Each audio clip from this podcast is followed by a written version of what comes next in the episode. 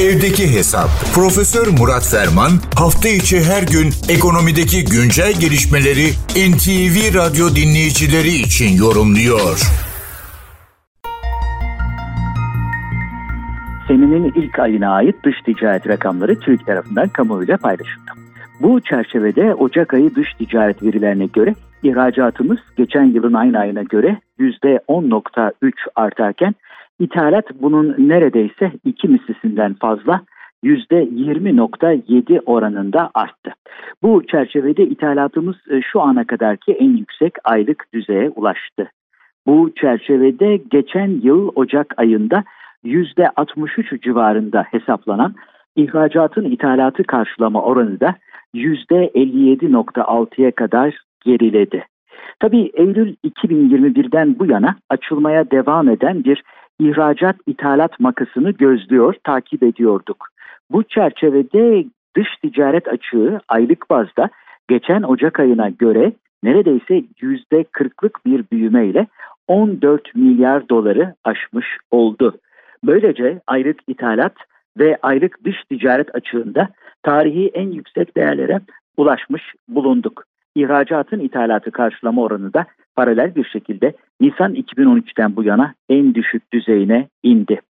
Tabii Türkiye'nin dış ticaret faturasında enerji ve altının ağırlıklı rol oynadığını görüyoruz. Dolayısıyla enerji ve altın hariç duruma bakmakta her zaman fayda var. Ama bu kez enerji ve altın hariçte açık olduğu görülüyor.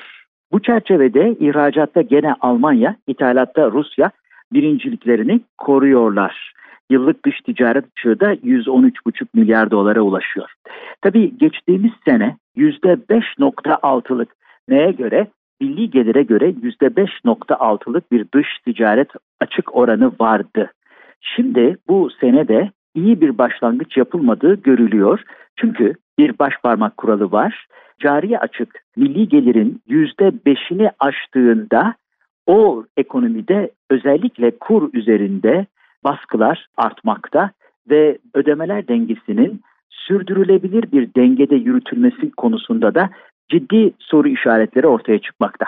Depremin getirdiği force majeure etkiler de düşünüldüğünde dış ticaret dengemizin mutlaka düzeltilmesi için ivedi tedbirler alınması, yeni hal ve çarelerin aranmasında herhalde fayda olacaktır.